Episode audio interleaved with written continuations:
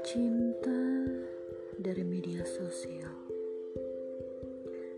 Pernah gak sih kalian ngerasain rasanya jatuh cinta dari orang yang belum pernah kalian temui? Atau mungkin kalian pernah main dating online kan? Bagaimana rasanya? Enak.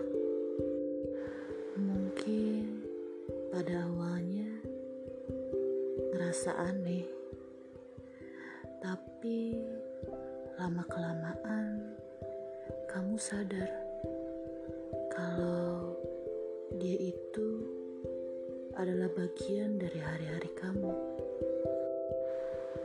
Tapi rasa takut mulai datang saat kenyataan tidak berpihak pada kita.